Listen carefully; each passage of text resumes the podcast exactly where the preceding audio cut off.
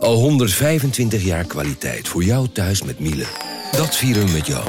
Ontvang nu tijdelijk een cashback tot 125 euro op veel Miele-apparatuur. Geniet van de kwaliteit van Miele. Voor perfect verzorgd wasgoed en kleding die veel langer mooi blijft. Voor een stralend schone vaat, even perfect als jouw diners. En een stofvrij thuis waarin echt hygiënisch schoon de standaard is. Check miele.nl voor alle feestelijke aanbiedingen. Hey podcastluisteraar. Ook op zoek naar een relevante invulling van je schaarse luisteruren? Tune dan in op de podcastserie ESG, even samengevat van BNP Paribas. Wij, Marloes en Aldert, spreken daar duurzame voorlopers en wereldverbeteraars. Waarover dan? Nou, bijvoorbeeld of we ooit duurzaam kunnen gaan vliegen. En waarom koeien in de stad nou een goed idee is? Dat en meer elke twee weken in een nieuwe aflevering.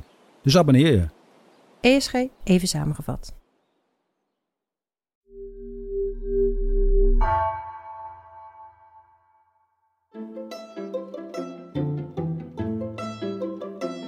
Welkom. Wij zijn Onbehaarde Apen. Dit is een podcast van NRC over wetenschap.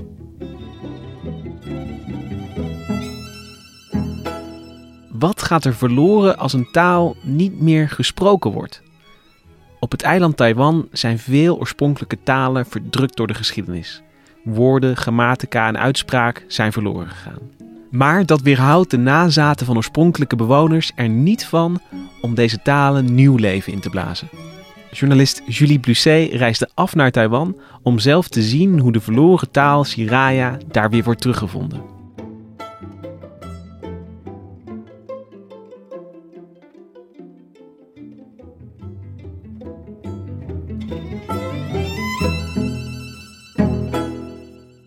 Vandaag zit ik met Julie in de studio en ook met wetenschapsredacteur Hendrik Spiering.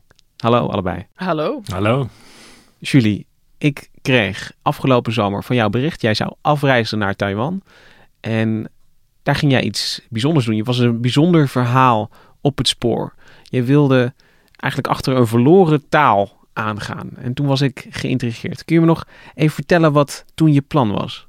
Ja, dat klopt. Ik, ik zat zelfs volgens mij al in Taiwan, nog in een, in uh, quarantainehotel, uh, met heel veel tijd om over van alles na te denken. En toen dacht ik, um, ja, ik ben hier om wat verhalen, wat buitenlandverhalen en zo te schrijven. Maar er is hier eigenlijk ook een prachtig wetenschapsverhaal te vinden. Um, er zijn twee mensen waren daar die ik eigenlijk al jaren wilde spreken. Uh, Uma Talavan en haar man Edgar Makapili. En ik heb al voor het eerst over hen gehoord. Ik denk zeker al een jaar of acht geleden, toen ik ook in Taiwan was, waar ik uh, Chinees studeerde. En ik hoorde over hen en over de Siraya, uh, omdat zij iets heel opmerkelijks hebben gedaan. Iets wat taalkundigen eigenlijk tot voor kort onmogelijk achten. Namelijk, ze hebben een taal die al meer dan een eeuw niet werd gesproken, die officieel zelfs uitgestorven werd geacht, uh, soort van verloren gegaan in de nevelen van de geschiedenis, die hebben ze nieuw leven ingeblazen. En, dat en, is, uh, en, en jij zegt de Siraya, en dat is dus ja. zowel een bevolkingsgroep daar op Taiwan als een taal.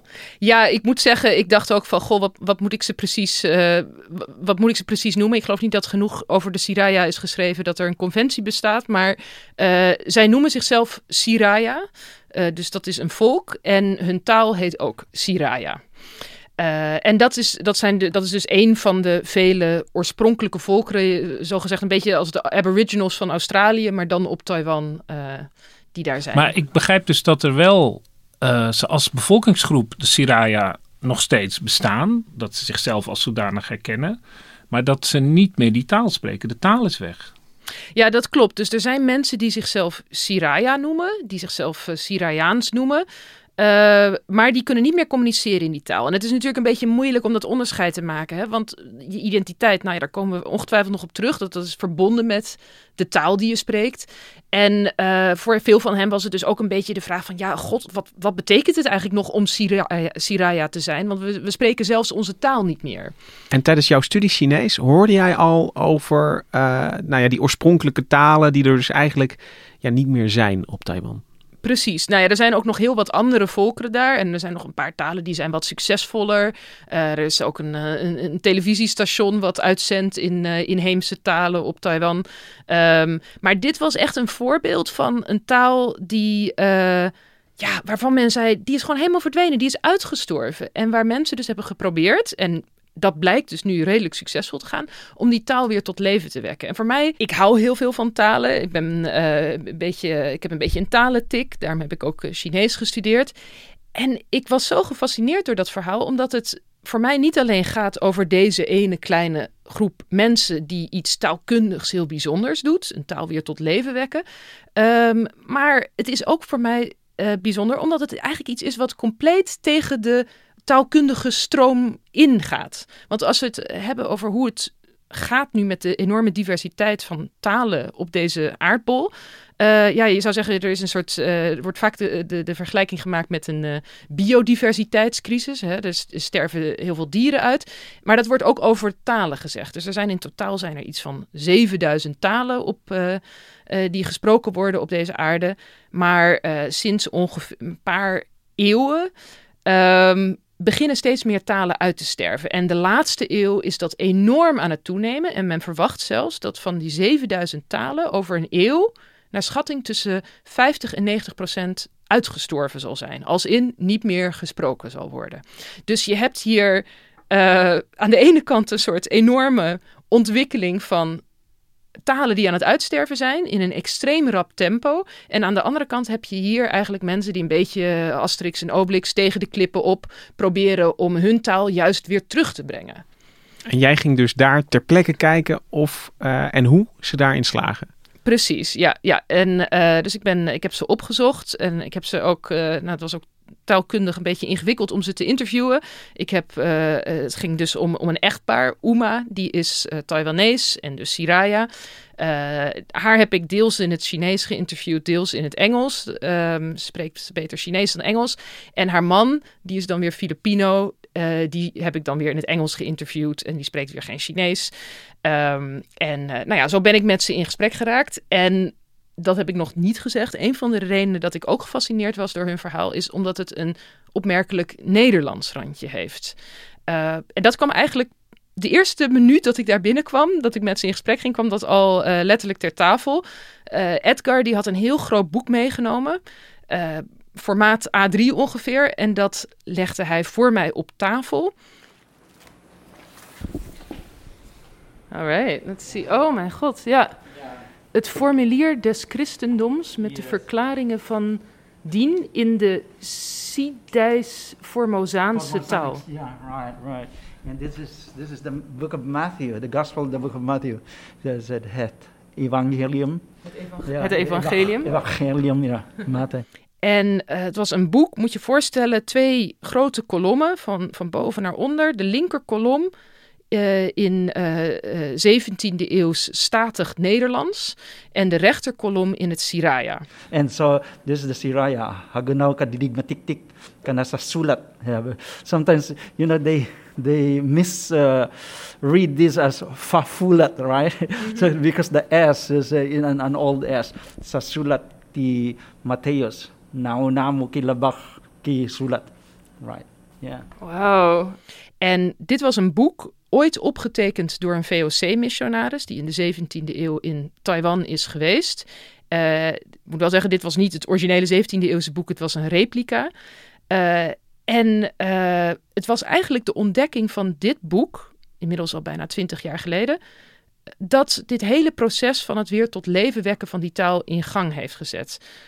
want het is dankzij dit boek dat het Siraya, wat merendeels, zoals heel veel inheemse talen, een, een, een gesproken taal uh, alleen was, weer gereconstrueerd kon worden. Want dit was het bronmateriaal. Dit was, uh, het zijn bijbelteksten, het evangelie volgens Matthäus en nog heel wat andere teksten, die door die missionaris dus in het Siraya te boek zijn gesteld daar ooit. Omdat hij de Siraya in de 17e eeuw wilde kerstenen.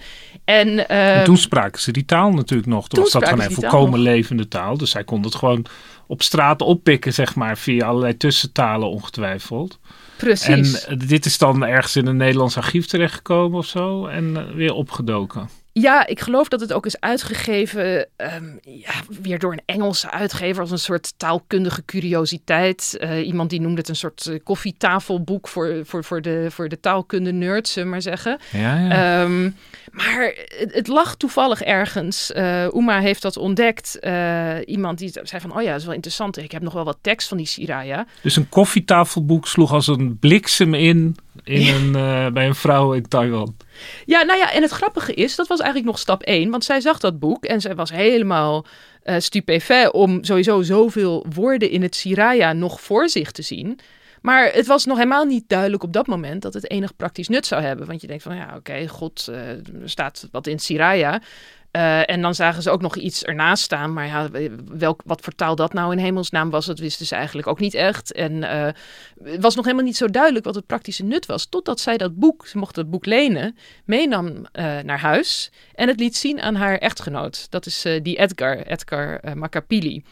En nou ja, Edgar die is Filipino, die spreekt eh, twee talen die nauw verwant bleken te zijn aan het eh, vroegere Siraya. Welke talen zijn dat? Dat zijn het Tagalog en het Bisaya. Dat zijn Eh, Filipijnse talen. Dat zijn Filipijnse talen. Eh, en hij zag dat boek voor zich liggen. En hij kwam erachter dat hij met een beetje moeite. En, en eh, zeker ook toen hij eh, de Engelse vertaling van een Bijbel ernaast had. Want hij had wel gezien van, oh, dit, dit is. eh, het evangelium volgens Matthäus stond er zo boven. Nou ja, evangelium en Matthäus, nou dat kon Ja. je nog wel net zien.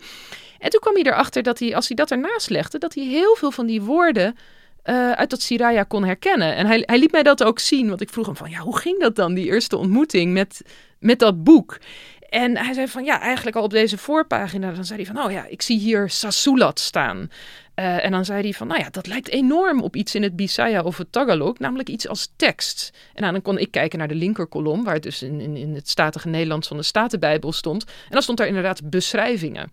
Nou ja, en dan zei hij van, nou ja, oh, hiernaast er staat iets dat lijkt op iets van eerste. Dit is hetzelfde woord als wat wij gebruiken voor eerste. En dit is iets van een deel of een stuk. Nou, stond ernaast eerste kapitel. Ja, ja. En dus precies wat hij toen... eh, nou, hij werd ook weer helemaal enthousiast. eh, op dezelfde manier dat waarschijnlijk ook op dat moment dat hij voor het eerst die tekst zag, dat gebeurde. En hij zei van, wow, ik, het was gewoon binnen een paar minuten werd duidelijk van...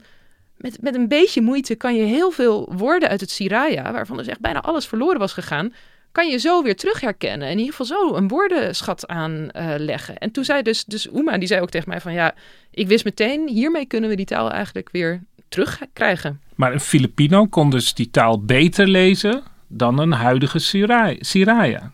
Precies, en dat is eh, interessant. We zeiden al van ze spreken nu Chinees op Taiwan. Chinees is een compleet andere taalfamilie. Ehm, ja, dus dat is eh, Chinees ligt even ver af van het Siraya, zullen we maar zeggen, als het Chinees van, eh, van misschien wel van Ja, Nederlands. dat denk ik wel, ja. het, is, het is een hele andere taalfamilie. Ehm, Dus er was eigenlijk bijna een, een magisch geluk voor nodig om, om deze constellatie bij elkaar te, te, te krijgen. Van een, een 17e eeuws boek met een, een, een, Austro- een kenner van het Austronesisch, van verwante talen. En iemand die geïnteresseerd is in die oorspronkelijke taal. Precies, ja, het is ook heel grappig. Ze, ze zeiden ook dat de, de, de vader van Uma, die zei ook van deze schoonzoon, dus deze Filipino, die, dat is bijna door de goden gezonden. Eh, want zonder dat die man hier was geweest, eh, was misschien nooit iemand op het idee gekomen van, hé, hey, volgens mij kunnen we veel meer met deze tekst eh, dan we tot nu toe hebben gedaan. En je, je verhaal maakt voor mij ook duidelijk in hoeverre die taal eigenlijk verdwenen was. Want ehm, zelfs de, de, de woorden, eh, die, die, die, waren, die, die worden geen eens meer gesproken. Is er geen enkel eh, woord in het, in het Siraya nog, nog overgeleverd bij de, eh, bij, bij de moderne Siraya? Ehm, nog wel een paar woorden. Ik vroeg ook aan Uma van, goh, hoe ben je hier nou ooit... Hoe, hoe is dat eigenlijk gegaan, die zoektocht hè, naar, naar die teksten? Waarom raakte jij daarin geïnteresseerd? En, en wanneer ben je daarmee bezig gaan houden? En toen zei ze van, nou ja, dat is een heel lang en langzaam proces gekomen, eh, geweest. Want toen zij een kind was, toen wist ze eigenlijk niet eens dat zij Siraya was. Ehm, en er waren, ze zei ook van ja, ik, er waren wel een paar woorden. En dat was eigenlijk misschien wel haar eerste kennismaking met het feit dat zij op een bepaalde manier anders was dan de mensen om haar heen. Ze zei ja, dan was er een woord voor een paddenstoel of voor een bepaalde plek in het landschap. Ehm, en nou, dat had ik dan gewoon ge- geleerd van, oh ja, dat heet zus en zo. En dan gebruikte ze dat eh, buiten haar dorp, waar veel Siraya woonde. En dan kwam ze erachter dat mensen zoiets hadden van, ik weet helemaal niet waar je het over hebt. Wat, wat is dit voor woord? Ehm, en op dezelfde manier ging dat ook een beetje zo met, ja, met haar grotere kennismaking met, met eh, de wereld, zullen we maar zeggen. Dat, eh, ze, ze vertelde, ik ging naar de basisschool ook buiten mijn dorp. En dat was eigenlijk het eerste moment dat mensen ook bijvoorbeeld tegen haar zeiden van... Goh, je ziet er een beetje... Ben je, ben je buitenlander? Of ben je, waar kom je vandaan? Of ja, sommigen want- wisten misschien van, nou, je bent inheems. Want Maar, ja. er zijn maar een paar procent van de enorme bevolking van Taiwan. Ik geloof dat er wel 30 miljoen mensen wonen of zo. Het dichtstbevolkte land ter 24 wereld. miljoen. Ja. Ja. En er zijn maar een eh, paar honderdduizend eh, eh, eh, inheemse volkeren, of die zich nog zo noemen. Maar de moderne Siraya dragen dat dus bij zich in hun voorkomen, in dus bepaalde woordjes nog. Maar dat is dus heel erg ja, tegen de achtergrond bijna. Het zijn, het zijn nog een paar overblijfselen die, die eh, ja, je kunt het ook als, ze had het ook terzijde kunnen schuiven misschien als van, eh goh, wat gek. En, en dan was dat het geweest. Ja, Dus zoals je ook in de familie wel eens uitdrukkingen en woorden hebt die nergens anders worden gebruikt, omdat je opa dat ooit een keer bedacht heeft. Zeg maar. Dus het, het- het was gewoon niet een heel erg actief onderdeel van haar identiteit, zou je kunnen zeggen. Nee, nou ja, kijk, dat was dan ook nog voor haar als kind. Ik weet bijvoorbeeld wel dat haar vader, ehm, die, nou ja, die is ook nog groot geweest in een periode dat inheemse volkeren veel eh, meer onderdrukt werden. Dus zij zei ook van, ja, ik ben nooit ermee gepest of zo. Ik kreeg wel die vragen die niet, niet misschien altijd heel prettig voelden. Want ja, er wordt opgemerkt dat je anders bent op een bepaalde manier. Ehm, maar bijvoorbeeld haar, haar vader, die werd gewoon nog echt uitgescholden. Er waren dan bepaalde eh, scheldwoorden ook, zoals een soort van, ze zeggen dan iets van eh, ongebakken rijstkorrel. Is dan een soort vreselijk scheldwoord wat je kan zeggen. Weet je ongecultiveerd ben je dan, dus barbaars op een bepaalde manier. Ja, de Chinezen, die hebben een lange geschiedenis en beschaving. Hè? Ehm, daar stammen dus de meeste mensen die nu op Taiwan wonen van af. Maar ja, die andere mensen hier, die inheemse volkeren, ja, dat zijn een soort eh, ja, onbeschaafde barbaren. En ehm, dat verklaart natuurlijk ook een beetje waarom ook, juist denk ik misschien wel als je, eh, ook, al, ook al ondervind je negatieve aandacht voor het feit dat je anders bent, dan dat betekent ook wel misschien dat je het minder makkelijk zo terzijde schuift. Hè? Misschien Ja. ook wel een beetje dat je juist in de contramine gaat, dat je denkt van ja, maar er, misschien moet er wel meer zijn of misschien zit er wel iets moois achter. Ja. En over dat boek vroeg ik me nog af, want eh, deze missionaris heeft natuurlijk eh, dit niet gedaan, zodat, eh, zodat het Siraya kon blijven bestaan. Ik bedoel, die functie krijgt het nu. Maar eh, ehm, ik, ik, ik stel me zo voor dat zijn motieven gewoon vrij duidelijk waren. De, de Siraya waren blijkbaar een volk dat gekerstend eh, moest worden. Dat, waarin het woord van God ook tot zich moest, moesten kunnen nemen in hun eigen taal. Ja, De- precies. Want dat, dat is natuurlijk iets wat ik denk heel veel mensen helemaal niet zullen weten. Maar eh, Taiwan is een van de vele plekken op deze aardbol die op een gegeven moment eh, deels gekoloniseerd is geweest door, door de Nederlanders, door de VOC.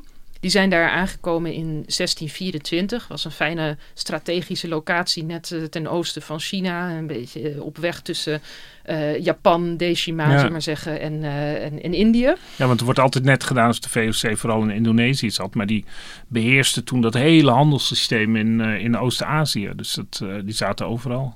Ja, nou ja, ik snap dat dat het strategische doel was. En ik weet ook dat de Nederlanders een reputatie hebben van de koopman en de dominee. Maar hoe paste dan.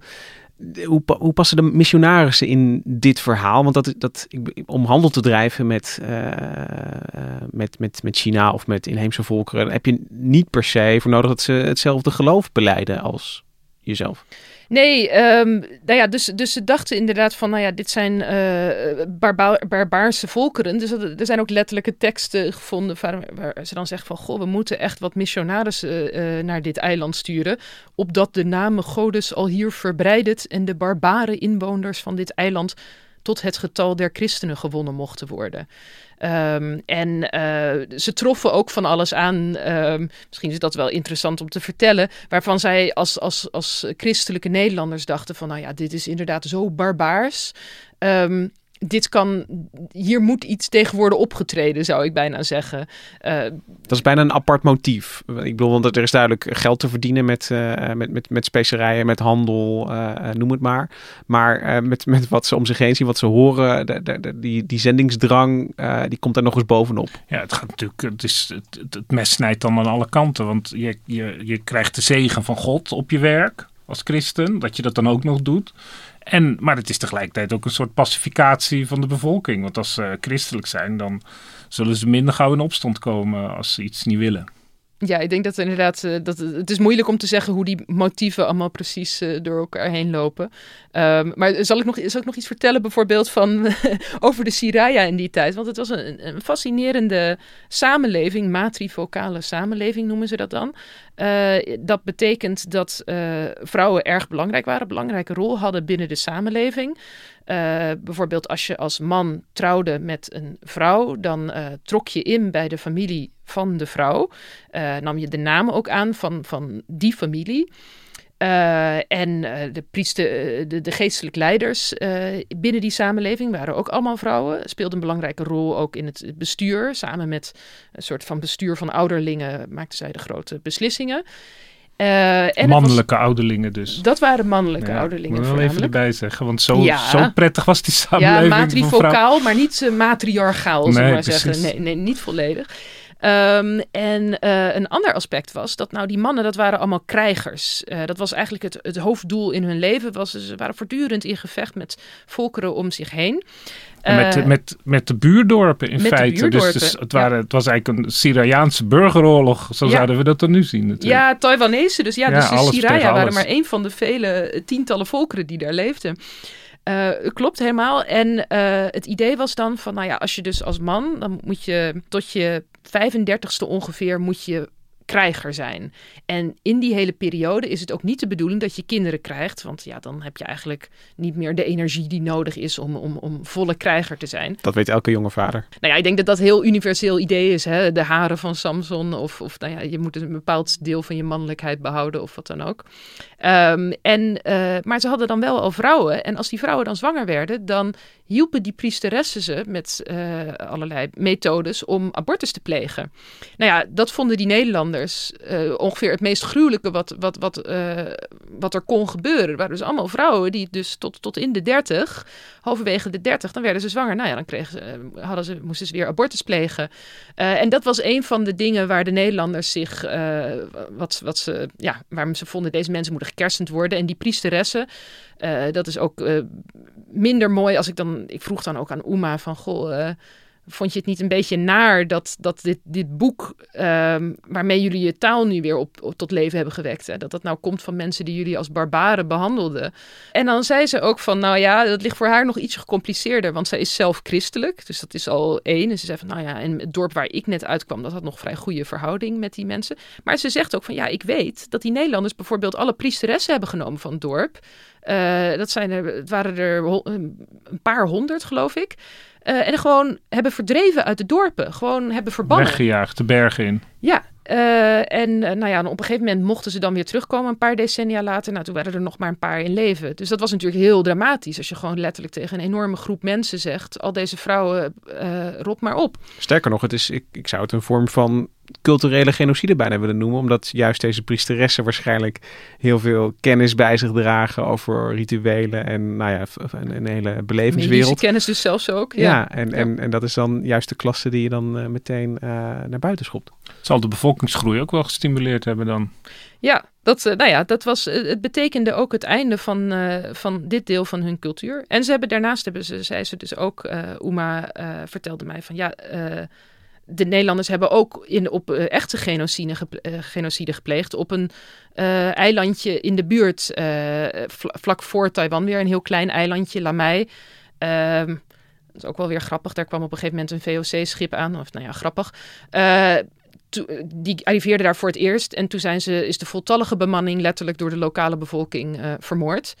Uh, nou ja, die Nederlanders die konden dat niet over hun kant laten gaan. Dus die hebben toen vervolgens in de jaren daarop, hebben ze heel zorgvuldig voorbereid, hebben ze een aantal aanvallen gepleegd en hebben ze systematisch de gehele bevolking van dat eiland uitgeroeid. Er zijn nog een paar mensen die ze dan zeiden van, nou, die mogen we, misschien kunnen we nog wel als een, als een vrouw gebruiken of... Uh, uh, die kan nog wel een, een, rol voor ons vervullen als een, een bepaalde vorm van arbeid. Uh, de rol ja. van dat boek wordt steeds bijzonderder. Dat, ja. dat uit zo'n ja, toch uit zo'n oorlogssituatie, zo moet je dat toch eigenlijk zien. En uh, onderdrukking. Dan zo'n tekst komt die nu als een wonder wordt beschouwd. En ik vraag me af, deze kennis over ehm, hoe die Siraya leefde, hoe een samenleving georganiseerd was. Ik bedoel, ze hadden zelf geen schrift. Uh, is dat dan toch uh, toch door ehm, VOC-verslagen en misschien ook wel missionarissen aan ons overgeleverd uiteindelijk? Ja, grotendeels wel. Dus uh, die verhalen over die, uh, die volkerenmoord die de Nederlanders hebben gepleegd op het eiland Lamai. Nou ja, Lamai is ook een Nederlandse naam dan weer voor dat eiland. Um, en, en hoe zij omgingen met die priesteressen, al dat soort zaken, dat komt inderdaad dat komt uit de VOC-archieven. Er is natuurlijk ook um, die Siraya zijn ja, niet uitgestorven. Dus die hebben daar natuurlijk wel allerlei kennis over behouden. Maar ja, ze hebben het niet allemaal te boek gesteld, ze maar zeggen. Want ze hebben dus ook pas van die Nederlanders voor het eerst geleerd, sowieso, uh, dat je kan schrijven en hoe dat werkte. Uh, maar als, als, dan het, uh, als, als er dan een geschreven taal komt, een, een geschreven Siraya, Um, waar, waarom is dan dat VOC-boek nog nodig? Want is het, is, ben je dan niet in een positie dat het Siraya kan voortleven als geschreven en gesproken taal? Hoe gaat het verder met het Siraya na de tijd van de VOC? Ja, nou ja, dat is interessant. Want um, kijk, de Nederlanders hebben nog één ander ding gedaan... wat in zekere zin bepalend is geweest voor de complete uh, toekomst daarna, de, de geschiedenis daarna van Taiwan. Namelijk uh, de Siraya en andere volken op Taiwan, dat waren geen, uh, die deden niet aan landbouw. Nou ja, dat vonden de Nederlanders toch een beetje onhandig. ze wilden toch zelfvoorzienend zijn. dus wat hebben ze op een gegeven moment gedaan? Ze, ze hebben op China, op, op 200 kilometer afstand op het vasteland, hebben ze gezegd van, goh, als jullie willen, kom naar Taiwan. Hier is land te over, dan kan je hier goed boeren. nou, ze hebben, en ze hebben dus de migratie op gang gebracht uh, van Chinezen naar Taiwan. Dat is, dat is als je je afvraagt van goh, hoe komt het eigenlijk dat ze nu op Taiwan Chinees spreken? Dat begint daar. Dat begint daar. Dat, komt door de Nederlanders. Een wereldhistorische daad, want het is nog steeds conflictgebied omdat de Chinezen het als Chinees beschouwen. Ja. Precies, ja. En het was dus ook al zo dat uh, nou ja, de Nederlanders zijn er vrij snel weer weggejaagd. Ook door, door een, een, nou ja, een Chinese-Japanse uh, piraat Koksinga. Uh, vind ik altijd heel Fries klinken, maar goed. Ja. Um, en um, dat was al in 1661 zijn die Nederlanders daar weer vertrokken. Maar al voor het eind van de 17e eeuw was het dus zo dat de inheemse volkeren van Taiwan in de minderheid waren op hun eiland. En vervolgens in de eeuwen daarna is eigenlijk die migratie vanuit China op gang gebleven. En daar zit ook dat element van ja, de verdere onderdrukking van de Siraya en uiteindelijk uh, het, het, verdrukken ook van hun taal, dat heeft daar ook mee te maken. Uh, het is op een gegeven moment ook nog een kolonie geweest van Japan uh, vanaf het eind van de 19e eeuw tot halverwege de 20e eeuw. Toen werd de nationale taal Japans. Um, hebben ze hele strenge politiek opgevoerd. Daarna uh, is uh, generaal, uh, generalissimo Chiang Kai-shek daar gekomen. Ik hoop dat we niet al te diep in deze geschiedenis in hoeven te gaan. Maar hij had de Chinese burgeroorlog verloren van Mao Zedong. En is toen vertrokken met een paar miljoen Chinezen ja. naar Taiwan. Hebben daar de macht gegrepen. Zeiden dit is nu regering in ballingschap van het land China. En daar hoort dus ook een taal bij, het Chinees. En uh, gebeent als je een andere taal spreekt, zullen maar zeggen. Dus op school, in de media, uh, alles moest in het Chinees zijn. En dat betekende dat, nou ja, dus een, een, ontwikkeling die al in de 17e eeuw is begonnen. Um, in zekere zin in de 20e eeuw vooral een hele snelle groeispurt heeft doorgemaakt. Waardoor dus die oorspronkelijke volkeren en hun cultuur enorm onderdrukt zijn. En veel van die talen dus bedreigd zijn geraakt of compleet verdwenen, zoals bij de Siraya. Die onderdrukking is eigenlijk nooit meer gestopt sinds de VOC daar aanmeerde.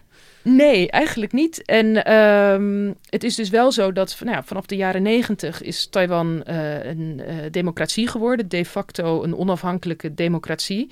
Uh, en um, dat heeft ervoor gezorgd dat er toen dat het wel mogelijk werd om je eigen taal te spreken. Dus nou ja, ze hebben nu televisiestations, uh, televisieomroepen in inheemse talen. Dat wordt, wordt gesteund. Op school kan je uh, inheemse taal kan je les volgen. Dat is dus nu ook met het Siraya zo. Ja, want in, in, in, in, deze democratische tijd wordt dat, wat, wordt dat boek eigenlijk herontdekt. Mm -hmm. En wat kun je dan daaruit leren als, als, als verre nazaat van die Siraya die nog wel die taal spraken? Wat um, haal je dan uit die vertaalde Bijbeltekst eigenlijk? Wat, wat voor woorden en, en ja, regels van de taal komen daar naar voren? Ja, dat is natuurlijk heel interessant. Het is aan de ene kant is het een tekst die natuurlijk niet uh, echt Syriaans is in de zin dat het gaat over de Syriaanse cultuur. Het zijn bijbelteksten. Uh, maar uh, Uma en Edgar vertelden dat het toch heel fascinerend was om die tekst te bestuderen. Niet alleen omdat je daarmee de woorden terugkreeg, maar omdat het ook op een vreemde manier een soort document was uh, van de ontmoeting tussen zo'n merkwaardige 17e eeuwse Nederlandse missionaris en die Siraya. En ze hadden een paar hele leuke voorbeelden, vond ik. Eentje was bijvoorbeeld moet je voorstellen, nou ja, je gaat een Bijbel vertalen en dan gaat het over dingen als druiven. Nou ja, druiven had je helemaal niet op Taiwan. Bestaat helemaal niet, eh, die vrucht. En uh, Edgar die kwam dat woord tegen voor uh, druif, staat er dan in de Engelse Bijbelvertaling. En er stond dan in het Siraya iets van karamata. Um, en hij keek naar dat woord en hij kon zien dat het eigenlijk letterlijk zoiets betekende als het zwart van je oog. En dan denk je van, nou ja, dat oké, okay, kan een dichterlijk. Beetje, dichterlijk, dichterlijk. Maar toen dacht hij ook van, nou, dat is wel interessant, want in heel veel Aziatische talen, onder andere ook in het Chinees en in het uh, Thais, uh, dus Thailand, niet Taiwan, uh, is het woord voor een lychee is drakenoog. en hij zei van, ja, ik kon dus wel, als ik daarover na zat te denken, dacht ik van, ja, lychees, dat is zo'n wit, wit bol, bolletje. Um, dat hadden ze wel op Taiwan. Ik denk dat het zo gegaan is. Die missionaris die zei van ja, uh, toen hadden ze een soort fruit. Uh, nou ja, uh, druiven hebben jullie niet. Maar het was een beetje zoals die, die wat jullie dan iets van ogen, witte ja. oogvruchten noemen. Um, maar dan zwart. Maar dan zwart. maar misschien dus had hij wel druiven bij zich. Dat kan ook nog natuurlijk. Nou, niet, nou maar dan zullen ja, ze er niet meer al te, niet, goed al te fris uit hebben gezien. Nee. De scheurbuik nee. was nog wel een probleem in de 17e ja, sorry. En een woordenlijst, wat uiteindelijk, die, die kun je opstellen op basis van uh, zo'n vertaling. Hè, dan heb je, uh, dit betekent dat. Maar dat is natuurlijk nog geen taal in de zin uh, zoals we hem hier gebruiken, namelijk ter plekke zinnen verzinnend en met, volgens bepaalde regels. Dat, dat is nog geen taal waar je iets mee kan, die je kan uitspreken en in kan communiceren. Nou, er zit natuurlijk ook grammatica in. in er zit grammatica in. Is, is, kun je die daar ook uit destilleren? Um, Want dat, het, is, het, is, ja. het is een 17e eeuwse Nederlands, uit het Nederlands vertaalde grammatica, denk ik dan maar misschien, of niet? Uh, nou ja, je hebt dus een Nederlandse tekst, 17e eeuwse Nederlandse tekst en 17e eeuwse Siraya tekst. En uh, nou ja, Edgar die is heel vlijtig aan de gang gegaan met al die woorden inderdaad. Maar ja, hij is, uh, hij is, hij is een componist, hij is een muzikus, geen taalkundige. Dus die woorden kon hij wel vinden. Hij is daar een jaar of zeven, acht mee bezig geweest om een woordenboek te maken. Maar ja, inderdaad, hij liep vast op die grammatica en die uitspraak. En het grappige was toen, weer een soort nieuw toeval zou je kunnen zeggen, is dat hij toen op een gegeven moment hoorde dat er uh, een andere taalkundige was die ook bezig was met deze tekst. En dat was een Nederlander, uh, Sander Adelaar heet die. Die heb ik ook gesproken. En die, uh, die was ooit een keer op Taiwan. En toen zeiden mensen tegen hem van... oh, we hebben hier een soort raar boek. en er staat ook iets in het Nederlands in. Waarschijnlijk kan je er helemaal niks mee. Um, maar kijk er eens naar. Nou ja, uh, Sander Adelaar gespecialiseerd in Austronesische talen. Uh, en uh, die was meteen geïnteresseerd.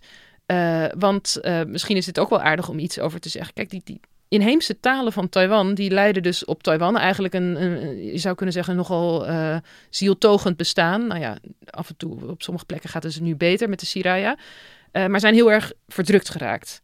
Maar uh, het bijzondere van, van, van die Taiwanese talen is dat ze echt onder taalkundigen een enorme reputatie genieten. Want uh, Taiwan, dat wordt de oerheimat van de Austronesische taalfamilie genoemd. En nog even taalfamilies. We, ik denk dat de meeste mensen die kennen wel de term Indo-Europese talen. Hè. Dat zijn de, de Romaanse talen, de Germaanse talen, eigenlijk alle talen. Keltisch, Slavisch. Alle talen behalve het Baskisch ongeveer in, in modern Europa, die, uh, die, die zijn Indo-Europees. Ja, en uh, ook in India, de ja. Indische talen. Ja, precies. En ook het Sanskriet en zo. Hè? Ja. Um, nou ja, en je hebt dus ook een Austronesische taalfamilie. En dat was uh, voordat uh, wij Westerlingen uh, ons over de hele wereld begonnen te verspreiden en imperialistisch gedrag begonnen te vertonen, was de Austronesische taalfamilie eigenlijk het meest verspreid over de hele aardbol. Namelijk, dat zijn allemaal talen die komen uh, allemaal uit Taiwan oorspronkelijk. Dat is dus de oerheimat. En die heeft zich langzamerhand, hebben al die talen zich verspreid naar het zuiden richting Nieuw-Zeeland. het oosten Hawaii en Paaseiland, moet je je voorstellen. En het westen tot aan Madagaskar. En is allemaal eigenlijk een beetje eilanden, vandaar ook die termen Austronesisch. Heel erg gekoppeld natuurlijk. De, de sprekers van het Austronesisch waren goede zeevaarders. Dat blijkt hieruit. Ja, dat klopt. Ja, en, ehm, en zo is het telkens weer zo van, nou ja, van het ene eiland naar het andere eiland verder eh, verspreid over dat hele gebied. En dus wel eh 1200 van de 7000 talen op deze aardbol zijn Austronesisch. En dan moet je dus bedenken dat het dus, eh, ik vind dat echt geweldig om voor te stellen, dat die dus allemaal afkomstig zijn van het kleine eilandje Taiwan ter grootte van Nederland ongeveer.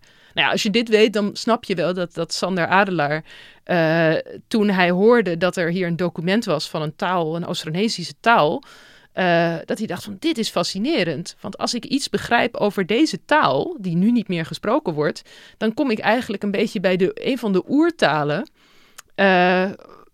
ja, van die hele taalfamilie. Dus hij is een hele grammatica gaan maken eh, en eh, nou, de syntax, alles gaan bestuderen eh, van hoe die taal in elkaar zat. En toen kreeg hij op een gegeven moment kreeg hij een mailtje van iemand die zei: Hallo, ik ben Siraya. En misschien, wij zijn bezig met die taal. Misschien kan je ons een, een, een beetje helpen. En dat was voor hem dus echt een enorme verrassing. Want dit is een man die, ja, die, die, die dacht over die taal als.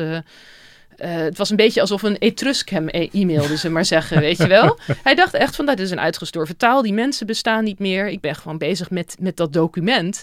Eh, en plotseling werd hij benaderd eh, van, goh, kan je ons niet een beetje helpen? En dat heeft Mensen hij die dus echt gedaan. eigenlijk iets van hem wilden. Want hij keek er als een taalkundige naar van hoe zit dat in elkaar. En, en ja, bijna op een, ontleden op, op, een, op een steriele wijze. Bijna. En, en hier waren ineens mensen die van hem wilden weten hoe moeten we dit... eh, Ja. Hoe moeten we deze taal Hoe moeten we onze eigen cultuur beleven? Dit Ja. is, van, van, van studeerkamergeleerden kom je ineens in een soort taalactivisme terecht. En dat contact ontstond dus tussen Adelaar en Uma en Edgar. Is het gelukt? Eh, hebben, hebben ze het, het Siraya eh, weer levend gekregen? En, en hoe ziet dat er dan uit? Ja, dat is. Ze zeggen zelfs, zelf nog van goh. ehm, het is nog altijd een soort baby, zullen maar zeggen. Ze zitten echt nog vroeg in, in, in de ontwikkeling van deze taal. Ehm, maar ja, ze hebben eerst hebben ze dus lesboeken gemaakt, eh, woordenboeken, vervolgens lesboeken met die grammatica. Toen zijn ze eh, zomerkampen gaan organiseren. Dat ging heel erg goed. Waren mensen vonden dat hartstikke leuk. Eh het was dan voornamelijk ook gericht op kinderen, vanuit het idee, ja, als je een taal weer tot leven wil wekken, dan kan je het beste bij kinderen beginnen. En inmiddels, het wordt op steeds meer scholen ook onderwezen. Inmiddels eh, op meer dan twintig scholen. Eh, maar je kan nog niet zeggen, dus je kan zeggen van, nou ja, er zijn echt wel eh, een paar duizend mensen inmiddels die een mate van kennis van het Siraya hebben. Maar het is nog niet zo dat je nu op de markt bent en dat, dat ze dan in Siraya met elkaar praten. Dus wat, ik wel grappig vond eigenlijk, is dat de dochter van Edgar en Uma, die is 24, die, die zegt ook van ja, ik ben eigenlijk samen met het Siraya opgegroeid. Ehm, en noemt zichzelf een beetje schertsend een van de top 10 sprekers van het Siraya.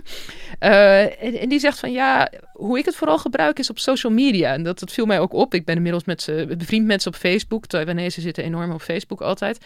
En juist op, op social media, dat is eigenlijk wel een prettig medium voor zo'n taal. Omdat eh, je rustig kan nadenken eerst even van, goh, hoe, hoe post ik nou iets? Wat zet ik, hoe zeg ik dat nou eigenlijk? Ehm, dus het is, ehm, als je zegt van, ja, waar kan je nou eigenlijk het Siraya nu het meest tegenkomen? Dan zou ik zeggen op Facebook waarschijnlijk. Het kost dus nog wel.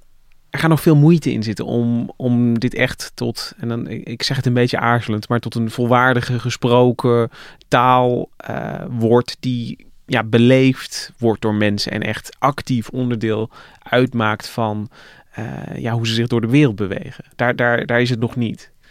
Nee, en ik moet zeggen, ik, ik probeerde er dan ook voorzichtig vragen over te stellen. Van joh, ehm, ook omdat het voor mij, als ik erover nadenk, ik denk ook van dit is een soort eh, Sisyphus-taak die, je, eh, die je voorstelt. Eh, Jullie zijn al twintig jaar bezig en hoe ver moet je nog komen?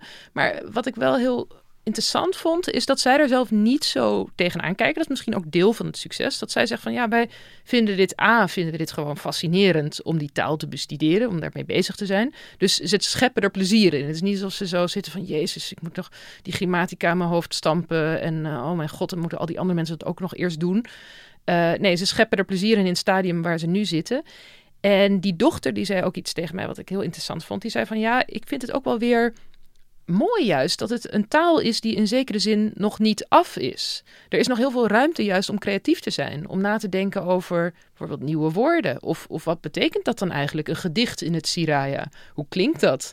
Uh, in welke zin is dat anders? Dus um, ja, ik denk dat dat ook een element is van dat, dat zij het zelf niet zozeer zien als een soort van enorme taak, enorm eh, hoop huiswerk die ze nog uh, moeten afmaken.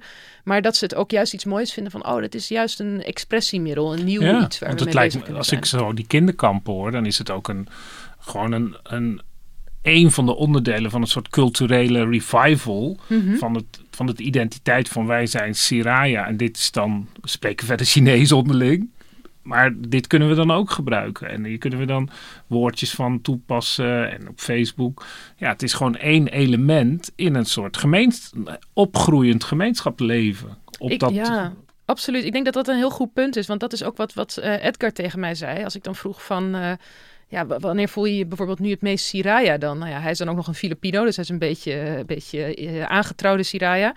Eh, hij zei van ja, voor mij is ook het mooiste. Hij maakt dus koormuziek en hij schrijft ook koormuziek in het Siraya. Nou ja, dat is dus ook zo'n moment. vindt iedereen leuk natuurlijk. Dat vindt iedereen leuk. Dus ze zingen, ze zingen samen die muziek. Ze leren samen die liederen. Ehm, dus het is inderdaad ook eh, ja, deel van de cultuur. Een reden om samen te komen en om meer over elkaar te weten te komen. eh, en, en aan nieuwe cultuur te bouwen. Ja. Maar zo kan het dus nog, bij wijze van spreken, eeuwen doorgaan. zonder dat er ooit een moedertaalspreker van het Siraya zal zijn. En met moedertaal bedoel je dan, Hendrik, iemand die het gewoon eh, als kind oppikt omdat, het, omdat hij het hoort uit zijn omgeving? Ja, zoals, zoals, eh, eh, zoals wij Nederlands spreken. Gewoon, het, het komt vanzelf als je in een Nederlands je hoeft spreekt. niet naar een zomerkamp toe om, om op het Nederlands Nee. te leren. Nee. Wat we wel weten, er is eigenlijk één andere taal eh, waar dit met succes, eh, die weer tot leven is gewekt of, of, of, of eh, wakker is gemaakt. Zoals ze dan nu zeggen. Ze zeggen, nou ja, dode talen. We, we- nou ja, oké, we spreken liever over slapende talen. Slapende talen, ja, echt die zo wakker grappig. worden. Ehm, dat is het Hebreeuws. Het Hebreeuws is een taal die eeuwenlang vooral bestond als, als een taal die gebruikt werd in religieuze context. Hè? Dus, ehm, eh, maar die werd niet meer gesproken als een norm- normale taal, zullen we maar zeggen. Nee, Eh, want de Joden in het Middellandse zeegebied die spraken Sephardisch met elkaar, wat ook een soort mengtaal was. En je had het, eh, natuurlijk het Jiddisch in Oost-Europa. En, en ja, de enorme Duitse gemeenschap van Joden, die sprak gewoon Duits natuurlijk. Ja, en, en dat is dus precies ook een voorbeeld van. eh daar is ook een enorme discussie over gevoerd in aan het eind van de 19e eeuw. Dus, eh, van goh, ehm, nou, er waren dus mensen die, die waren echt bezig met het Hebreeuws. En van het Hebreeuws moet terugkomen. En dat dan mensen zeiden van, joh, joh waarom doen we niet gewoon Jiddisch? Dit spreken mensen nog daadwerkelijk.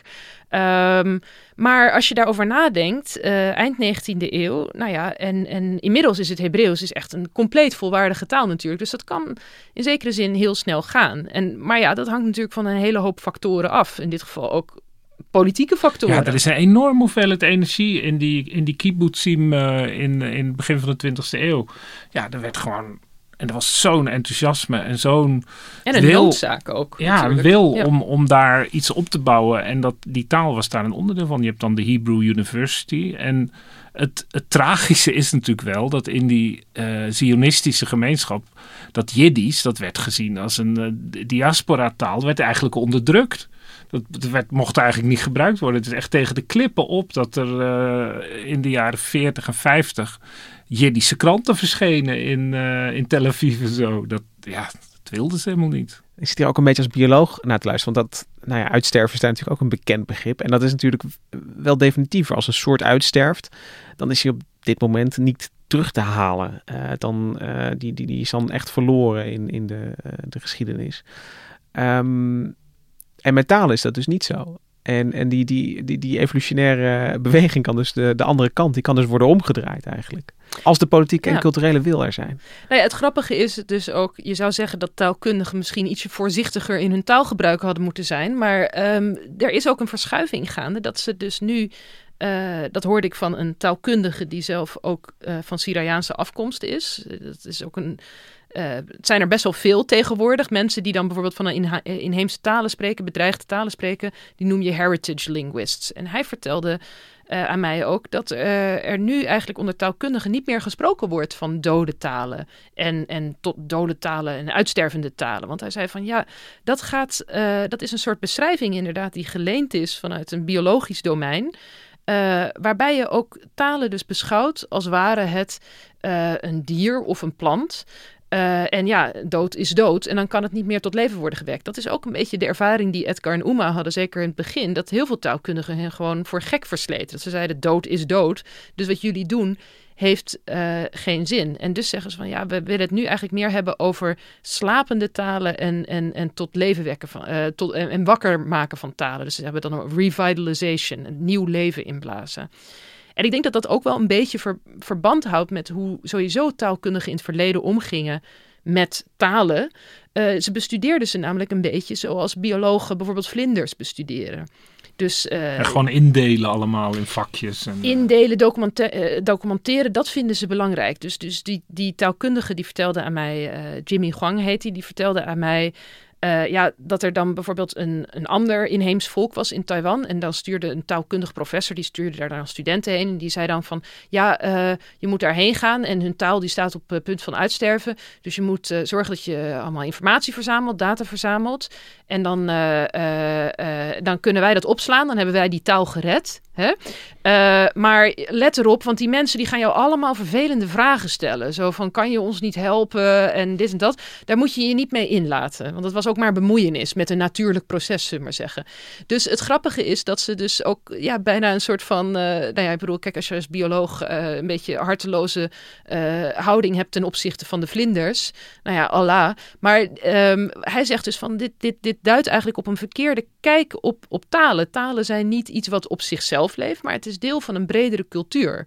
Eh, en ehm, je moet dus eh, als taalkundige, eh, ja, gaat het dus niet, een taal is dus ook niet gered als je het hebt gedocumenteerd en dan in een boekje ergens hebt bewaard in een bibliotheek. Nee, maar dat komt natuurlijk omdat die taalkundigen, die zijn dan geïnteresseerd in de ontwikkeling van die Austronesische talen. En dan, dan past dan precies, kijk, want toen zeiden ze daar dat. En dat past dus in het Filipijns, zie je dus de, hoe het verder gaat. En er wordt dan een hele stamboom opgesteld en dan klopt het. En dan zijn ze klaar. Maar bemoeienis is dan dus verdacht. Want nu eh, ga je als taalkundige ga je, en je krijgt een, een, bijna een adviesvraag van eh, moeten we dit zo uitspreken of zo uitspreken. En die taalkundige die misschien denkt in, in het, inderdaad het, het, het vastpinnen van, van taalmomenten. Die, die, die, ik, ik snap die aarzeling dat je niet wil zeggen van zo moet het. Omdat je, dan heb jij als taalkundige heb je de, de, de koers van de taalontwikkeling een beetje Ja, een tikje inderdaad. gegeven.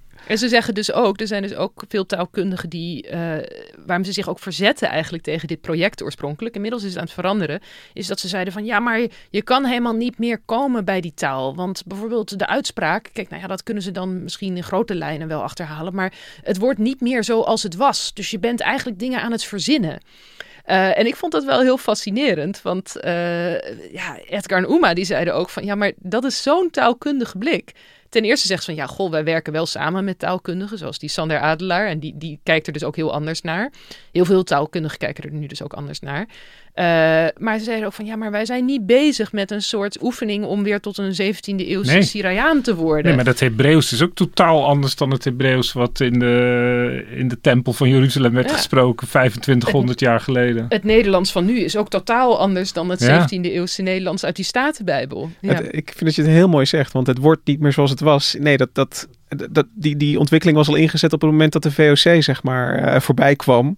Toen zou het nooit meer worden Ja, maar ook als, als, als, de VO als, de, als die Siraya daar ongestoord hun eh, gevecht hadden gedaan en eh, altijd gewoon geleefd hadden, zoals, dan was die taal ook ontwikkeld. De taal gaat altijd verder. Nee, maar dus, dus die geschiedenis, die cultuur, die taal, dat, dat, dat draait allemaal om elkaar heen als een soort, soort touw. En dat, dat, dat kun je niet meer uit elkaar peuteren. Dat, dat, eh, dat, dat, dat zit met elkaar vervlochten. En op het moment dat er mensen zeggen die, die zeggen wij zijn Siraya en eh, wij willen Siraya spreken, dan, ja, dan wordt het zo. Ja, maar wat, wat is een natuurlijke taalontwikkeling? Je kan ook zeggen dat het Nederlands wat wij spreken, is ook opgelegd door de centraliserende nationale overheid, die, die al die lokale dialecten uh, genegeerd heeft en één standaardtaal heeft opgelegd. En dat, ja, daar zijn we nu gelukkig mee. Maar als ik uh, soms in, in de stad ben waar ik, waar ik geboren ben, Dordrecht, dan hoor ik het platte Dords en denk ik, oh ja, die zegt niet we zagen, maar we zaggen. Ja. Dat is heel normaal. Nee, ja, het is allemaal weg. Ja, en, en ook dat is uh, uh, maar op het moment dat jij uh, terug zou willen naar dat, dat, dat dan, dan kan dat. En dan zijn er minder ja, barrières. mensen die het goed spreken. Ja. en ik, ik, ik vind het altijd een verschrikkelijke vraag als ik hem krijg als uh, zijnde iemand die veel van biologie af weet. Maar van, als iemand vraagt van, ja, is het erg als er een vlindersoort uitsterft? En wat, wat maakt dat nou uit in het grote plaatje? Zijn vlinders genoeg? Zijn vlinders ja. genoeg? Ja. Op, op, op die manier kunnen mensen ook vragen, is het erg als een taal uitsterft? Of blijft slapen. Is dat erg? Wat is, wat, ik ben wel benieuwd, wat antwoord jij dan? Uh, nou, er zijn, er zijn twee antwoorden op. Ene vind ik minder overtuigend dan, dan het andere. De eerste is een beetje het idee, ook een beetje volgens de biologische school. Ja, als een taal uitsterft, dan is er, gaat er misschien informatie verloren. Dus dan verliezen we de naam voor een bepaalde plant. En dat is misschien wel een plant die uh, ons kan helpen uh, bij het bestrijden van een bepaalde ziekte. Dus er gaat, sec gaat er gewoon wat informatie verloren. Um, ja, daar kan je iets van zeggen, maar nou ja, dat vind ik zelf wat minder overtuigend. Het tweede vind ik wel heel fascinerend. Ik denk dat, dat jij daar misschien als bioloog dan ook wel een interessante kijk op hebt. En dat is het idee wat ook bestaat dat taal onze blik in zekere zin vormt. Dus dat als je, nou ja, we hebben het al over van taal is eigenlijk onlosmakelijk verbonden met een cultuur. Uh, en in zekere zin is taal wordt dus ook gezien als een drager van cultuur.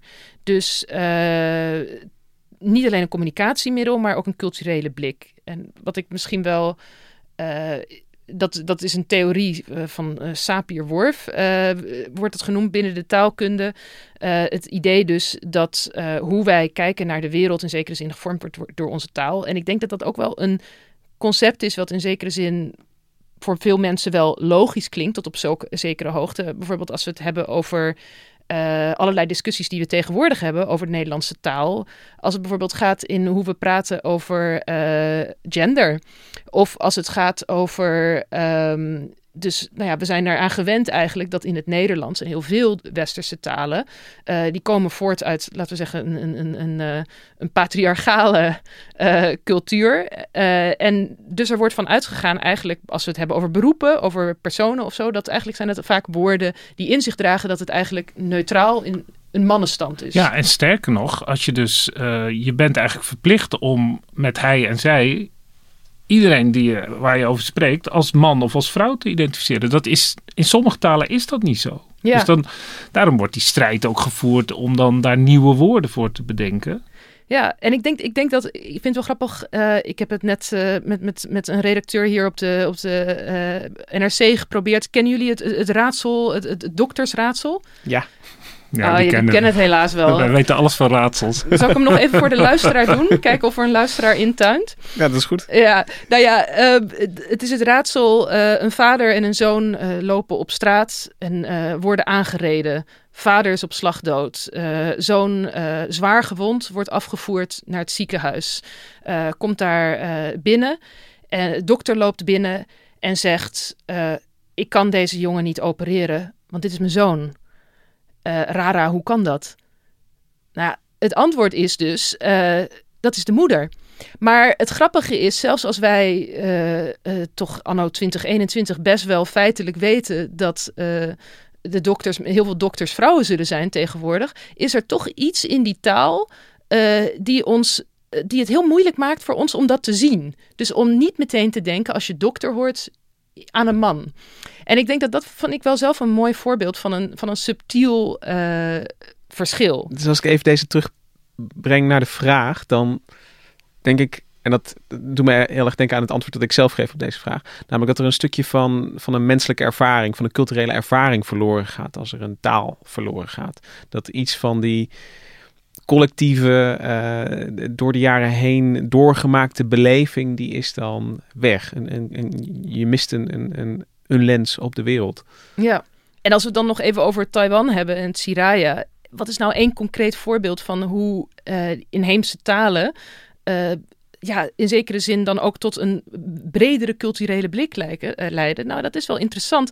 Uh, Siraya, maar dus ook heel veel van die andere inheemse talen zijn dus komen voort uit uh, culturen waarin vrouwen heel belangrijk zijn. En waarin de naamgeving ook bijvoorbeeld dus via de vrouwelijke lijn loopt. Wat is nu het geval? Iets wat in Nederland nog best wel moeilijk is. Als je een kind krijgt, uh, dat je bijvoorbeeld uh, als, als, als het kind de achternaam van de moeder wil meegeven. Dat is in Nederland best wel moeilijk. Maar in Taiwan, juist omdat ze dus die talen hebben. Um, al een hele tijd is het dus al decennia mogelijk om je kind uh, heel gemakkelijk gewoon te kiezen. Als je het kind aanmeldt van nou, wil je de achternaam meegeven van de moeder of van de vader. Uh, en dat vind ik dat dan... Is een standaard graaf, dat is een standaard vraag bij de aangifte eigenlijk. Dat is een standaard vraag. Nou ja, en dan kan je zeggen van ja, god, dat is dan net een, een, een iets van een bepaalde... Vind ik ook wel leuk, want dat is juist voor de mensen die ook niet inheems zijn. Uh, biedt dat dan een bepaalde zekere zin een vrijheid en een, een bredere blik op de wereld, zullen maar zeggen. Uh, die wij hier in Nederland veel ingewikkelder zullen vinden. Ook door de, hoe wij zijn inge in een bepaald uh, keurslijf zijn geduwd door onze taal. Ja, er was die, die oorspronkelijke Sapir-Whorf-these was heel strikt. Dat je dus uh, dat eigenlijk je, de taal je enorm beperkte in, in hoe je kon denken. Dat, dat was dan een Indianentaal, dat zat geen meervoud en, of zat geen verleden tijd en uh, tegen een, een toekomende tijd in. En die mensen die moesten dus wel in een permanent heden leven. Ja, zo was dat natuurlijk ook helemaal niet. En dat, als je dat letterlijk neemt, dan kan een taal en een cultuur zitten aan elkaar vastgeklonken. Terwijl daar natuurlijk voortdurend verandering is. Maar ik denk dat we het er allemaal over eens zijn dat het iets betekent om, uh, om Nederlands te spreken. Net zoals dat het uh, nu voor Edgar en Umar weer iets betekent om uh, te spreken en te zingen en te lezen. Um, Julie, echt dankjewel dat je dit bijzondere verhaal hier kwam vertellen. Um, Hendrik, ook bedankt dat je hier was. En Else van Driel, bedankt voor de productie van deze aflevering. De muziek die je hoort, die is gespeeld door het Dudok Quartet. Wij zijn er volgende week weer met een nieuwe aflevering. En uh, jullie zou nog in het, in het Siraya uh, afscheid kunnen nemen van, van de luisteraar? Um, nou ja, er is één woord eigenlijk wat ik in het Siraya weet. En dat is heel makkelijk voor ons om te onthouden. En dat is namelijk tabe. Dat hebben wij weer uit het uh, Maleis overgenomen. Maar ja, dat is dus een van die Austronesische taalfamilies. En ook in het Siraya zeiden ze dat. Wat, een van onze luisteraars zei ooit dat hij luisterde voor een, een nieuw feitje in zijn feitjeskanon. En ik, ik denk dat dit hem is. nou, tabé. Tabé.